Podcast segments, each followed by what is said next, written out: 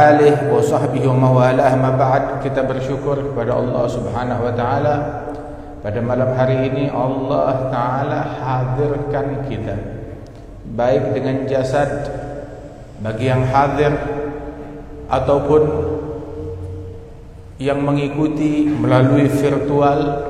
Mudah-mudahan Allah Subhanahu wa taala menulis bagi semuanya pahala yang besar anugerah yang luas ampunan taufik dan bimbingan dari Allah Subhanahu wa taala yang Allah taala curahkan di majlis yang semacam ini memberi kemaslahatan bagi lingkungan, bagi masyarakat, bagi negeri, bagi bangsa, bagi keluarga. Amin ya rabbal alamin.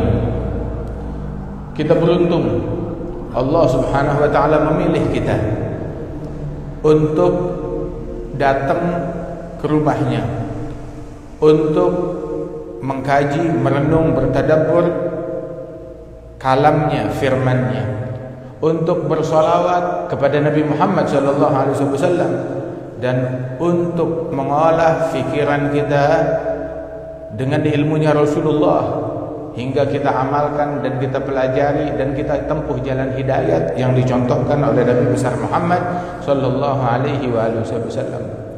Majlis yang semacam ini diadakan dan disiarkan semata-mata untuk membuat hubungan kita dengan Allah makin baik. Hubungan kita dengan Rasulullah makin baik. Membuat kita makin benar. Makin tekun menempuh jalan hidayat. Majlis yang semacam ini dibuat agar kita makin perhatian dengan sholat lima waktu makin perhatian dengan sholat jamaah makin perhatian dengan tahajud dengan qiyamul lail. Makin perhatian dengan duha dan witir. Makin perhatian untuk memakmurkan masjid. Makin perhatian dengan tilawatul Quran. Kalau seandainya kita hadir majlis macam begini tetapi kita melupakan maksud dan tujuannya. Hadir majlis tapi subuhnya telat. Hadir majlis tapi dia enggak bangun malam. Hadir majlis Quran ditinggalkan. Hadir majlis dia durhaka kepada orang tua hadir majlis akan tetapi dia memutuskan silaturahim. Hadir majlis akhlaknya bobrok dan bejat. Hadir majlis namun juga kemaksiatan merajalela dia lakukan. Hadir majlis hati penuh kedengkian penuh kebencian. Maka apa manfaat daripada majlis tersebut? Rasulullah sallallahu alaihi wasallam beliau bersabda man izdad man izdada ilman wa lam yazdad huda lam yazdad minallah illa bu'da. Barang siapa yang bertambah ilmu tapi tidak bertambah hidayat maka dia tambah jauh dari Allah Subhanahu wa taala. Rasulullah sallallahu alaihi wasallam beliau mendidik umatnya mendidik sahabatnya mendidik keluarganya untuk teguh untuk istiqamah di dalam beramal walaupun dalam keterbatasan, dari sisi fasilitas dan lain sebagainya. Sehingga disebutkan bahwasanya walam yazal lil haqqi fi ijtihadi wa ba'da fardil ghazwi wal jihadi ma garra fi dhillin wala biladi illa ala al kuffar fi qitali وما مضى حتى أقام الدين وصار سهلا واضحا مبينا فلم تخف أمته فتونا بل عسموا في الجمع عن ضلال Beliau Nabi Muhammad sallallahu alaihi wasallam senantiasa giat dalam dakwahnya, dalam jihadnya, dalam memberikan pengajarannya sampai dikatakan di dalam syamilnya Rasulullah la tarahu illa ghadian aw raiha. Kana galil rahah Rasulullah kalau kamu lihat beliau pasti kalau enggak beliau lagi jalan sibuk. Jalan ke mana di pagi hari sore jalan ke mana terus bolak balik sana sini ngurusin umat entar ngajar, entar jenguk orang sakit, entar hadir jenazah, entar berdakwah, entar nasihatin orang, membimbing orang di masjid, di rumah, di jalanan, di pasar, berzikir, begitulah. La tarahi la ghadiyan aw raiha. Pagi sore jalan sana jalan sini selalu begitu. Sampai dibilang dalilur rahah. Sedikit istirahatnya beliau. Sibuk waktunya siang membina, mendidik, mengajar menuntun umat. Malam hari dihabiskan untuk Allah Subhanahu wa taala. Wa huwa bihaqqi syukri ma aulahu idh qama hatta warimat rijlahu wa wasala sawma wa kad aulahu maulahu aula al-fadli wal ifdali. Demikian ahlinya beliau di dalam bersyukur bangun malam dalam rangka syukuran bangun malam sampai kakinya bengkak. Beda syukurannya kita syukurannya kita bikin orkes syukurannya Nabi Muhammad bangun malam sampai kakinya bengkak. Syukurannya kita lebih mirip kufuran. Tapi syukurannya Nabi Muhammad bangun malam sampai kakinya bengkak. Sallallahu alaihi wa alihi wasallam. Beliau hidup dalam kesederhanaan dalam keterbatasan dalam segala hal. Sampai lebih dari dua bulan dapurnya Rasulullah tidak ada api yang menyala. Lebih dari dua bulan tiga bulan dapurnya Nabi Muhammad nggak ada api yang menyala kompor tidak nyala. Eh, terus makannya apa? Aswadain. Aswadain air dan kurma. Hanya itu yang dimakan. Selama dua bulan sampai tiga bulan. Sallallahu alaihi wasallam ketika wafat meninggal dunia baju apa namanya? Baju perangnya digadaikan di tangan seorang Yahudi. Jadi digadaikan untuk nebus untuk beli gandum. Jadi ini digadaikan. Baju perangnya Rasulullah. Untuk ngambil gandum beberapa liter. Siti Aisyah bilang waktu Rasulullah meninggal di rumah kita nggak ada apa-apa. Cuma ada sisa gandum. Mungkin kalau ditakar satu genggam atau dua genggam di sebuah toples di wadah. Nah itu saya setelah wafatnya Rasulullah saya masak ngambil dari gandum tersebut. Saya ambil satu genggam masak. Pikir dua hari habis. Besokannya saya ambil lagi. Masih ada. Hari ketiga terus empat hari lima hari seminggu dua minggu tiga minggu nggak habis habis hampir sebulan. Saya penasaran. Tempatnya kecil harusnya dua hari habis.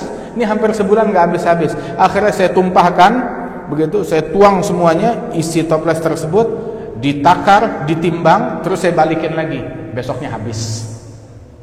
Subhanallah. Andaikan nggak ditimbang nggak bakalan habis.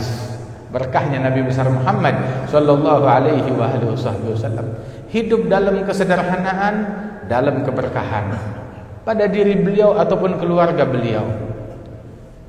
Mungkin makanan kurang Pakaian kurang. Perabot rumah tangga kurang. Untuk istirahat kurang. Tidur kurang. Makan kurang. Tetapi adab gak kurang. Akhlak gak kurang. Zikir gak kurang. Sayyidatuna Aisyah bilang Kana yadhkurullah ta'ala fi kulli ahyanih.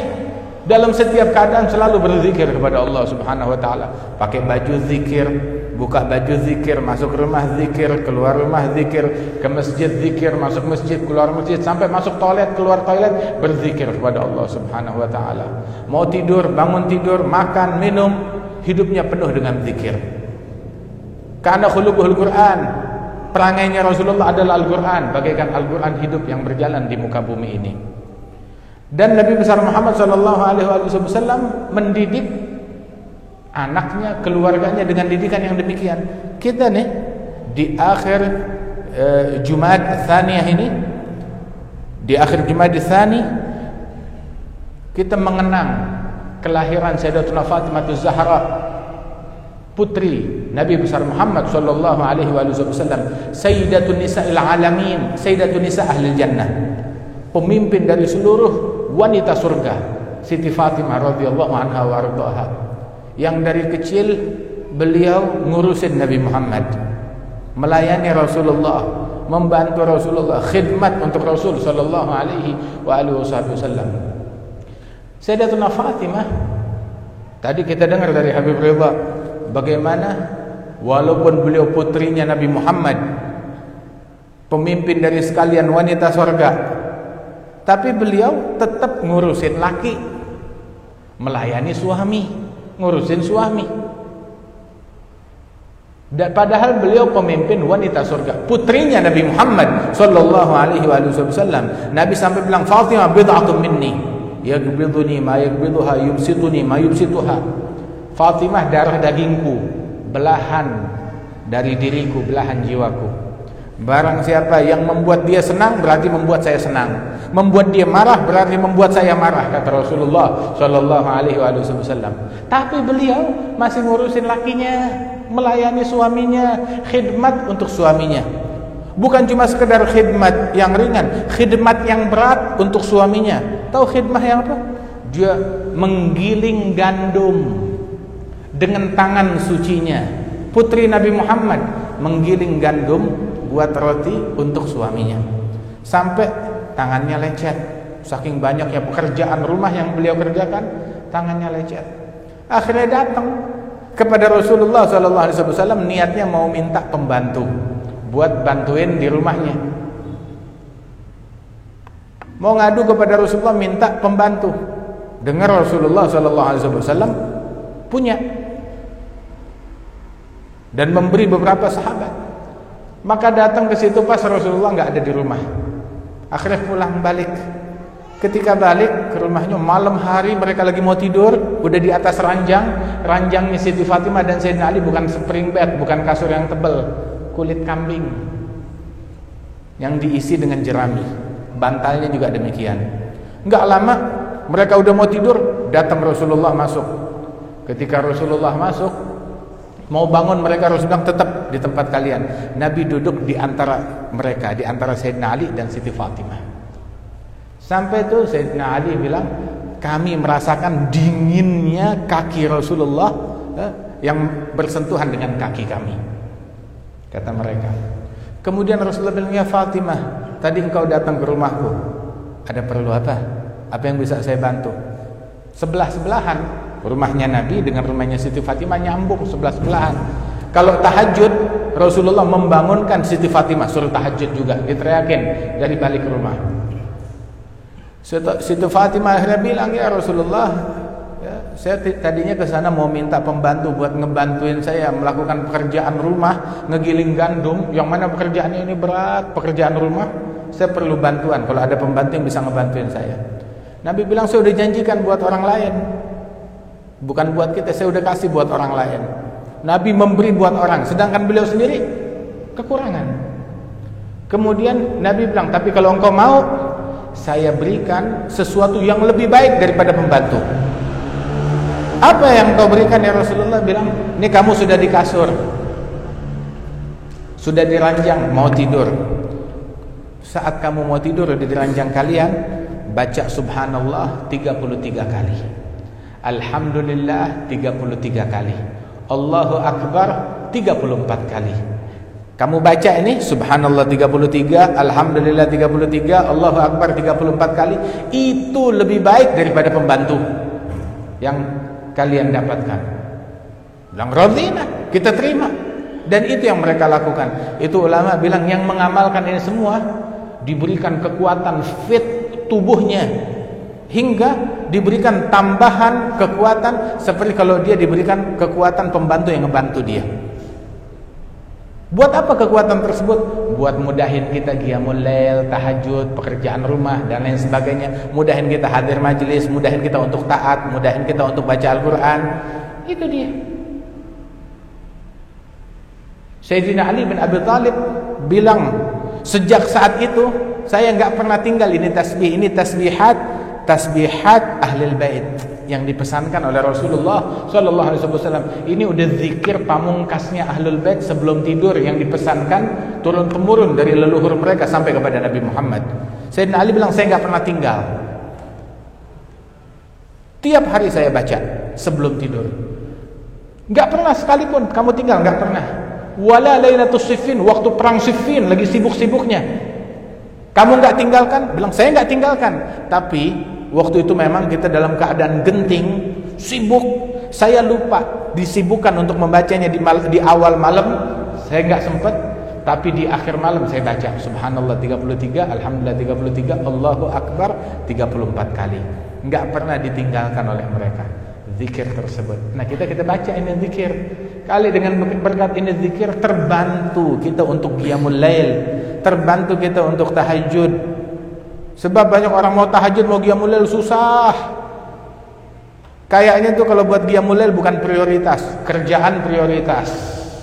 Makan prioritas, cari rezeki prioritas, nonton sinetron prioritas, ngobrol dengan rekan-rekan dengan tamu prioritas. Tapi qiyamul lail tahajud bukan prioritas. Kalau ada yang mesti dikorbankan, qiyamul lail yang dikorbankan. Sampai dia bilang, oh, saya enggak qiyamul lail karena semalam tidur kemalaman ada tamu. Oh, karena semalam saya sibuk kerja, semalam saya sibuk ngerjain tugas dari kantor dan lain sebagainya. Kalau ada yang mesti dikorbankan, bukan tahajud yang dikorbankan, korbankan yang lain. Korbankan kesibukan duniawi kita. Korbankan kesibukan apa pun yang bisa menjegal kita dari qiyamul lail. Hatta majlis, majlis ilmu mulia utama tapi khudh min hadzal ilm qadar la yadur bil ibadah ambil dari ilmu ini dengan kadar yang enggak membahayakan ibadat kita. Tidak membahayakan qiyamul lail kita. Kalau kamu lihat talib ilm la yuhafiz ala qiyamul lail wala ala salatil jamaah fanfud yadaka min. Kalau kamu lihat santri penuntut ilmu doyan majlis tapi enggak hadir qiyamul enggak enggak apa namanya enggak salat jamaah tidak qiyamul lail maka cuci tangan dari dia. Jangan taruh harapan. Orang macam begini bukan membela agama. Ini calon-calon orang yang ngancurin agama kayak begini. Naudzubillah min dzalik. Al Habib Abdullah bin Umar Syatiri beliau bilang la yakun talib ilm man lam yuhafiz ala qiyamil lail wala ala salatil jamaah wala ala salatul duha wala ala salatil witir nggak pantas menyandang gelar santri orang kalau nggak dia nggak bangun malam dia nggak sholat duha nggak sholat jamaah nggak sholat witir jangan ngaku santri yang kayak begitu. Katanya beliau radhiyallahu anhu arba terus kita berat baca ini zikir kali-kali kita terbantukan untuk dia mulai semangat terbangun pentingin buat tahajud buat dia mulai. Kalau udah baca zikir ini masih berat untuk tahajud dan qiyamul lail fa'lam bi annak mukabbal kabbalatka dzunubuk kalau udah baca zikir ini masih berat qiyamul lail berarti memang kamu apes sial diikat oleh dosamu yang menjegal engkau dari qiyamul lail dari tahajud. Kama qala ulama radhiyallahu anhu ajma'in. Sebab qiyamul lail itu jamuannya Allah hidangannya Allah. Hanya Allah Ta'ala peruntukkan bagi para kekasih-kekasihnya orang-orang yang dipilih oleh Allah Ta'ala. Mudah-mudahan kita dipilih sebagai orang-orang yang demikian. Kejayaan Islam, kemenangan Islam berdiri eh, pada mereka nih diemban oleh mereka yang perhatian untuk bangun malam tahajud eh, untuk memamurkan masjid tatkala sholat subuh mereka perhatian akan hal yang demikian seperti perhatian orang sekarang terhadap sholat Jumat. Enggak ngegampangin sedikit pun daripada perkara ini. Dan ini memang bukan perkara yang mudah, bukan perkara yang ringan, bukan perkara yang remeh. Nabi bilang di dalam hadis, "Man fatathu salatul asr faka'annama wutira ahluhu wa maluh." Barang siapa yang ketinggalan salat asar, itu musibah bala bagaikan dijarah, diculik, seluruh keluarga dan asetnya hilang dalam sesaat. Artinya, kalau dikompar, dibandingkan, musibah ketinggalan salat asar, luput salat asar, apalagi jamaah asar, sama musibah kematian anak, istri, semuanya keluarga kita mati, sama harta kita angus, terbakar, hilang semuanya, timbang itu dengan ketinggalan sholat asar musibah ketinggalan sholat asar lebih besar pada hakikatnya daripada musibah kehilangan keluarga dan harta ini ini pemikiran dari mana? Pemikiran mukmin yang ditanamkan oleh Rasulullah Shallallahu Alaihi Wasallam. Tapi pikiran kita kalau kehilangan duit itu musibah, kehilangan tahta itu musibah. Oh, saya gagal dapat kursi itu musibah. Calon yang saya usung kagak jadi itu musibah. Di mata kita begitu musibah. Tapi musibah yang sebenarnya adalah ketika kita ketinggalan takbiratul ihram bersama imam, eh, ketinggalan salatul jamaah, ketinggalan qiyamul lail. Ini musibah yang sebenarnya. Rasulullah sallallahu alaihi wasallam membekali putrinya datang pengen dunia, untuk membantu padahal dunianya juga buat akhirat diajarkan diberikan zikir sekali lagi datang Siti Fatimah kepada Rasul sallallahu alaihi wasallam dengar Nabi Muhammad ada dapat kiriman kambing. Banyak. Datang kepada Rasulullah pengen minta kambing seekor atau dua ekor. Dia bilang ketika datang kepada Rasulullah Rasulullah bilang ya Fatimah kalau engkau mau saya kasih. Eh, tapi yang sekarang saya sudah janjikan kepada fulan dan fulan. Kalau kamu mau saya kasih nanti kiriman yang berikutnya atau kata Rasulullah saya berikan yang lebih baik daripada kambing daripada hewan ternak. Dia bilang saya mau yang lebih baik dari hewan ternak. Nabi ngajarkan baca. Ya kalau kamu punya hajat doa baca. Ya awwalal awwalin ya akhiral akhirin ya dzal quwwatil matin ya rahimal masakin wa ya arhamar rahimin panggil Allah dengan lima nama ini ya awwalal awwalin wahai yang maha terdahulu ya akhiral akhirin yang paling abadi ya dzal quwwatil matin yang maha kuat ya rahimal masakin yang menyayangi orang-orang miskin Siapa orang miskin? Kita miskin. Wa ya arhamar rahimin, wahai yang maha penyayang. Doa kepada Allah awali dengan lima ini. Ini untuk dikabulkan doa. Yang punya hajat, baca. Lima hal ini. Dia datang pengen dunia, pengen minta kambing, dikasih yang lebih baik. Yang lebih abadi, yang lebih langgeng. Allahumma ya awal al-awwalin, ya akhir al-akhirin, ya dzal quwwatil matin, ya rahim al-masakin wa ya arhamar rahimin. Irham jam'ana hadza. Mudah-mudahan Allah taala merahmati perkumpulan kita ini. Sayyidatuna Fatimah radhiyallahu anha wa radhaha beliau wanita yang paling mulia. Orang yang masuk surga, wanita surga, teladan mereka, pemimpin mereka Siti Fatimah. Maka dia bilang Sayyidatun Nisa Ahlil Jannah. Sayyidatun Nisa Alamin, pemimpin wanita sorga. Jadi wanita yang berjodoh dengan sorga, teladan mereka Siti Fatimah. Wanita yang berjodoh dengan sorga, panutan mereka, pemimpin mereka adalah Siti Fatimah. Nah sekarang pertanyaannya, kaum wanita kita wanita sorga atau bukan? Kalau ngaku wanita sorga, semua bisa mengklaim. Tapi kan wanita sorga, pemimpin mereka Siti Fatimah. Apakah wanita kita menjadikan Siti Fatimah sebagai pemimpin mereka? Apakah Siti Fatimah memimpin wanita kita di dalam berpakaian? Atau pakaian wanita kita dipimpin oleh artis? Atau pakaian wanita kita dipimpin oleh penyanyi? Atau pakaian wanita kita dalam berpakaian mereka dipimpin eh, oleh orang-orang kafir, oleh orang-orang bejat? yang seumur hidupnya nggak pernah sujud buat Allah Taala. Siapa yang memimpin wanita kita?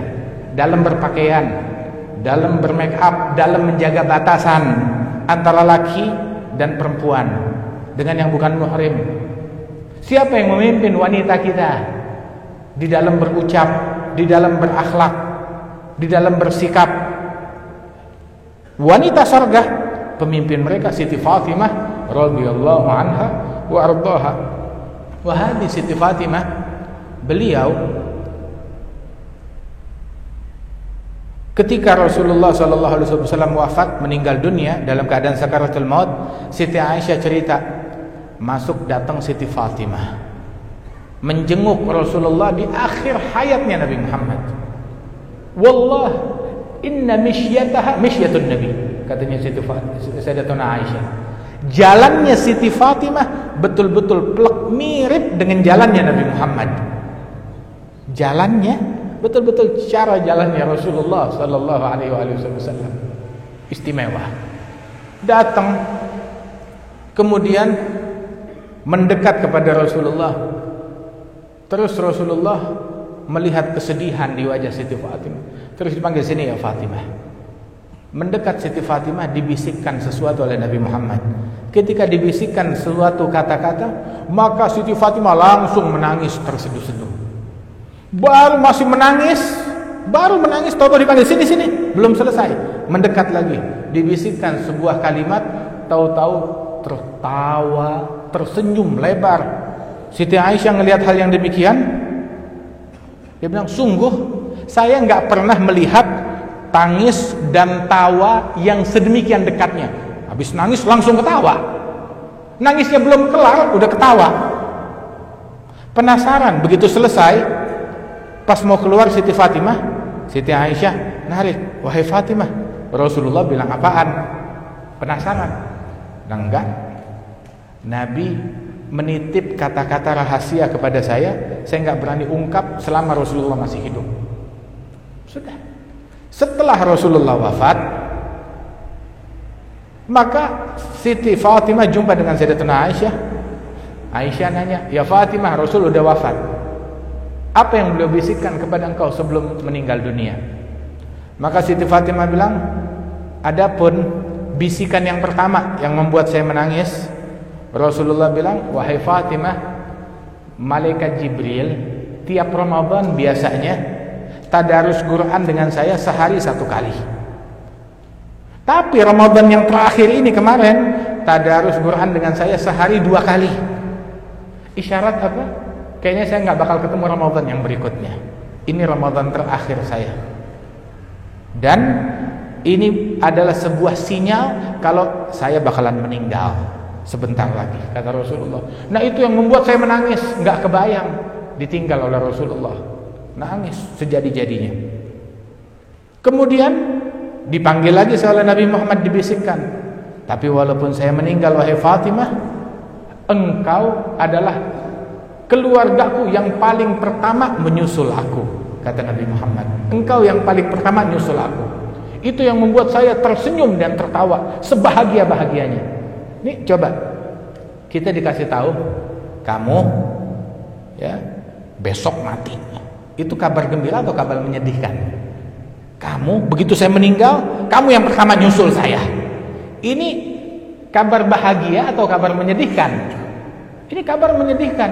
Tetapi ketika kabar kematian tersebut digandengkan, kamu yang pertama nyusul Nabi Muhammad, itu sebuah kabar gembira. Sebab Beliau melihat kegembiraan ketika bersama Nabi Muhammad sallallahu alaihi wasallam. Pernah Nabi Muhammad lagi tidur di atas dadanya ada Sayyidina Hasan wal Husain. Tahu-tahu Sayyidina Hasan atau Sayyidina Husain mengompol di tubuhnya Rasulullah. Diangkat di situ ada Jabir bin Abdullah Al-Ansari. Diangkat Sayyidina Husain yang mengompol itu diangkat oleh Jabir. Tahu-tahu Rasulullah terbangun Kenapa terbangun? Sebab waktu Husain diangkat, dia ngompol, dia nangis. Rasulullah terbangun. Bilang, malak ya Jabir. Kenapa kamu angkat dia wahai Jabir? Dia bilang, ya Rasulullah, as-sabibal. Bayi ini, anak kecil ini, dia mengompol. Kena baju kamu. Bilang, dah, biarkan. Ama ta'alam. Tidakkah kamu tahu bahwasanya anak aku dan kedua putraku ini Al Hasan Al Husain wa ummuhuma dan ibunda mereka tuh yang lagi di dalam kamar tuh di dalam ruangan sebelah situ tuh Siti Fatimah. Wadzakan naim aku Al Hasan Al Husain dan ibunda mereka Siti Fatimah dan tuh orang yang lagi tidur di pojok situ. Siapa yang lagi tidur? Sayyidina Ali bin Abi Thalib lagi tidur di pojok. Saya Hasan Husain Fatimah dan Ali bin Abi Thalib Besok di sorga fi makanin wahid di tempat yang sama kata Rasulullah Shallallahu Alaihi Wasallam. Kami besok di tempat yang sama kata baginda Nabi besar Muhammad Shallallahu Alaihi Wasallam. Dan Sayyidina Jabir ini orang yang istimewa, memang sangat dekat dengan keluarganya Rasulullah Shallallahu Alaihi Wasallam. Sekali itu Nabi Muhammad beliau mengajak Sayyidina Bagir ke rumahnya Siti Fatimah. Ketika masuk ke rumahnya Siti Fatimah, bilang ya Fatimah, eh, boleh saya masuk? Bilang boleh ya Rasulullah. Saya bersama Jabir.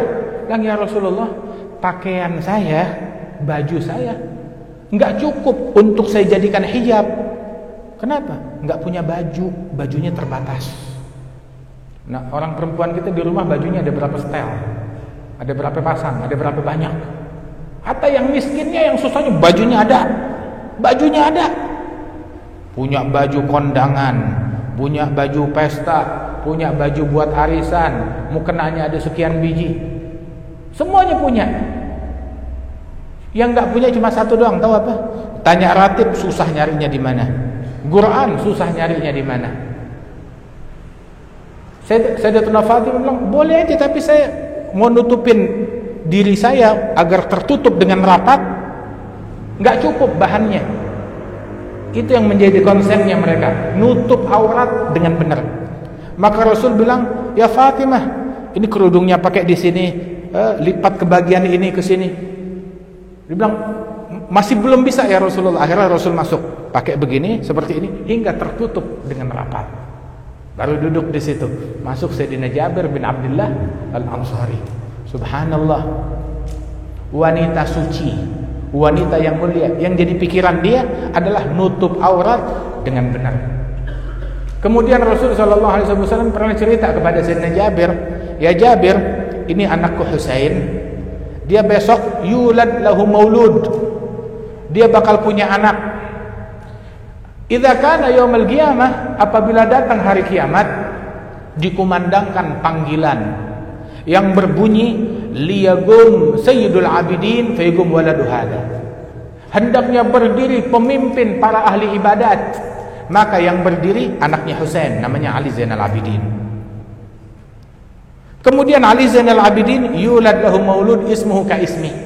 Dia punya anak namanya sama seperti saya yabgarul ilma dia memiliki keilmuan yang sangat besar. Al-Imam Muhammad Al-Bagir bin Ali Zainal Abidin yang membentangkan ilmu ke seluruh penjuru dunia guru besar dalam keilmuan. Hadza Muhammad Al-Bagir katanya Nabi Muhammad kepada Jabir apabila kamu berjumpa dengan dia eh, fa'agri'ahu minni salam. Sampaikan salam saya untuk Muhammad Al-Bagir. Berlalu tahun demi tahun. 5, 10, 20 ini Sayyidina Husain masih bayi. Sampai Sayyidina Husain dewasa menikah, punya anak terbunuh meninggal dunia. Sayyidina Ali Zainal Abidin dewasa menikah punya anak. Sekali Sayyidina Jabir di Madinah ngelihat seorang anak kecil yang wajahnya bercahaya indah tampan cahayanya beda dengan orang lain Ditanya, kamu siapa? Nama kamu siapa? Saya Muhammad. Muhammad bin Man. Muhammad bin Ali. Bapak kamu Ali ya. Ali putranya siapa? Bin Husain. Husain bin Ali bin Abi Talib. Ah, kamu nggak salah lagi. Kamu cucunya Nabi Muhammad. Ini Sayyidina Jabir usianya udah udah sepuh, udah lanjut. Bilang sesungguhnya kakekmu Rasulullah, datukmu Rasulullah, beliau kirim salam untuk engkau. Itu sahabatnya Jabir bertanya, gimana ceritanya? Ya Rasul dulu pernah bilang begini, begini, begini. Kalau engkau jumpa kepada Muhammad ini, sampaikan salam ke atas beliau. Kata Rasulullah Sallallahu Alaihi Wasallam. Sudah dipantau oleh Nabi Muhammad eh, jauh sebelum mereka lahir ke dunia ini. Nabi Muhammad yang dulu mendoakan mereka. Imam Ali ketika menikah dengan Siti Fatimah, Allahumma akhrij minhuma al-kathir at-tayyib Ya Allah keluarkan lahirkan dari keduanya ini al-kathir at-tayyib. Orang-orang baik yang mulia para wali-wali para salihin yang banyak.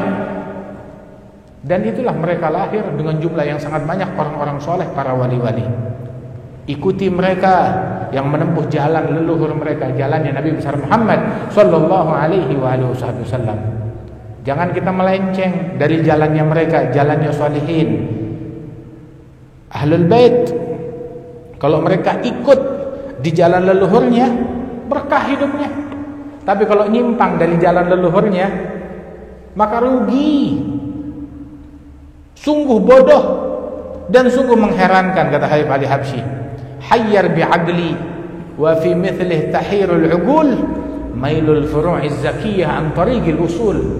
Saya gundah, galau, heran, bingung ngelihat keturunan orang soleh, keturunan baik-baik, tapi menyimpang dari jalan leluhurnya. Ahlul bait, jangan ngikut yang lain, ikutin jalannya ahlul bait. Ikutin jalannya Al-Faqil Mugaddam yang matain pedang. Ikutin jalan ahli baitnya Rasulullah sallallahu alaihi wasallam yang menempuh jalan salamah, salamatul lisan, salamatul janan.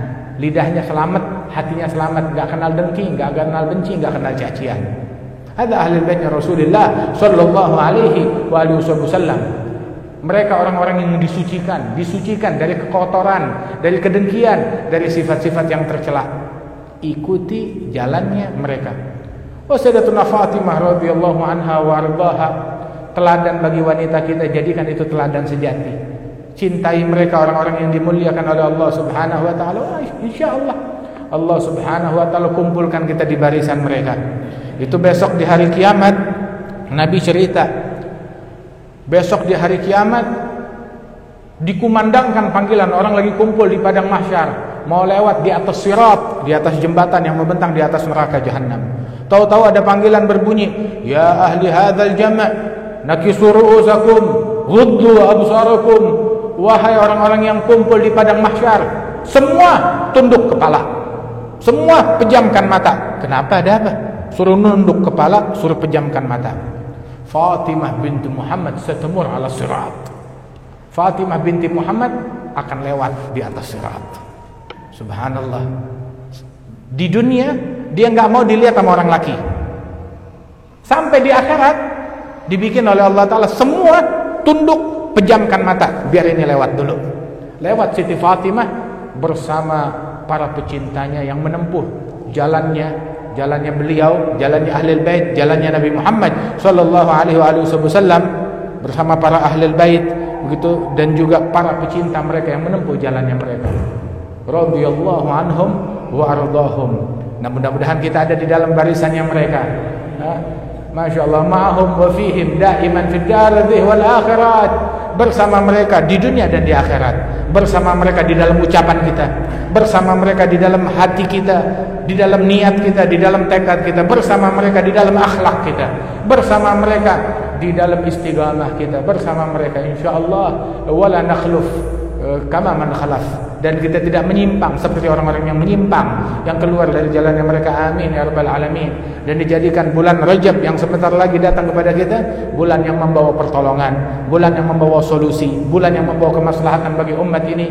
Dan Allah taala senantiasa memberikan keberkahan di majlis yang mulia ini dan mengangkat derajat akhina almarhum almaghfur alhabib Munzir bin Fuad almusawa diangkat derajatnya oleh Allah taala diluaskan kuburannya dan disenangkan hatinya dari majlis yang kita ada mengadakan malam hari ini majlis Rasulullah sallallahu alaihi wasallam dan dijadikan setiap individu dari kita sebagai gurat ain, orang-orang yang menjadi kebanggaan para guru-guru kita, menjadi kebanggaannya Nabi Muhammad sallallahu alaihi wasallam. Allahumma la tuballighhum min akhbarina ma yasuhum wa la tuhammilhum min awzarina ma yanuhum ولا تخزهم بنا في عسكر الأموات بما نحدث من المخزيات ونأتي من المنكرات. سر أرواحهم بأعمالنا في ملتقى الأرواح. إذا سر أهل الصلاح بأبناء الصلاح ولا تقفه منا على موقف الافتضاح بما نجترح من سوء الاجتراح.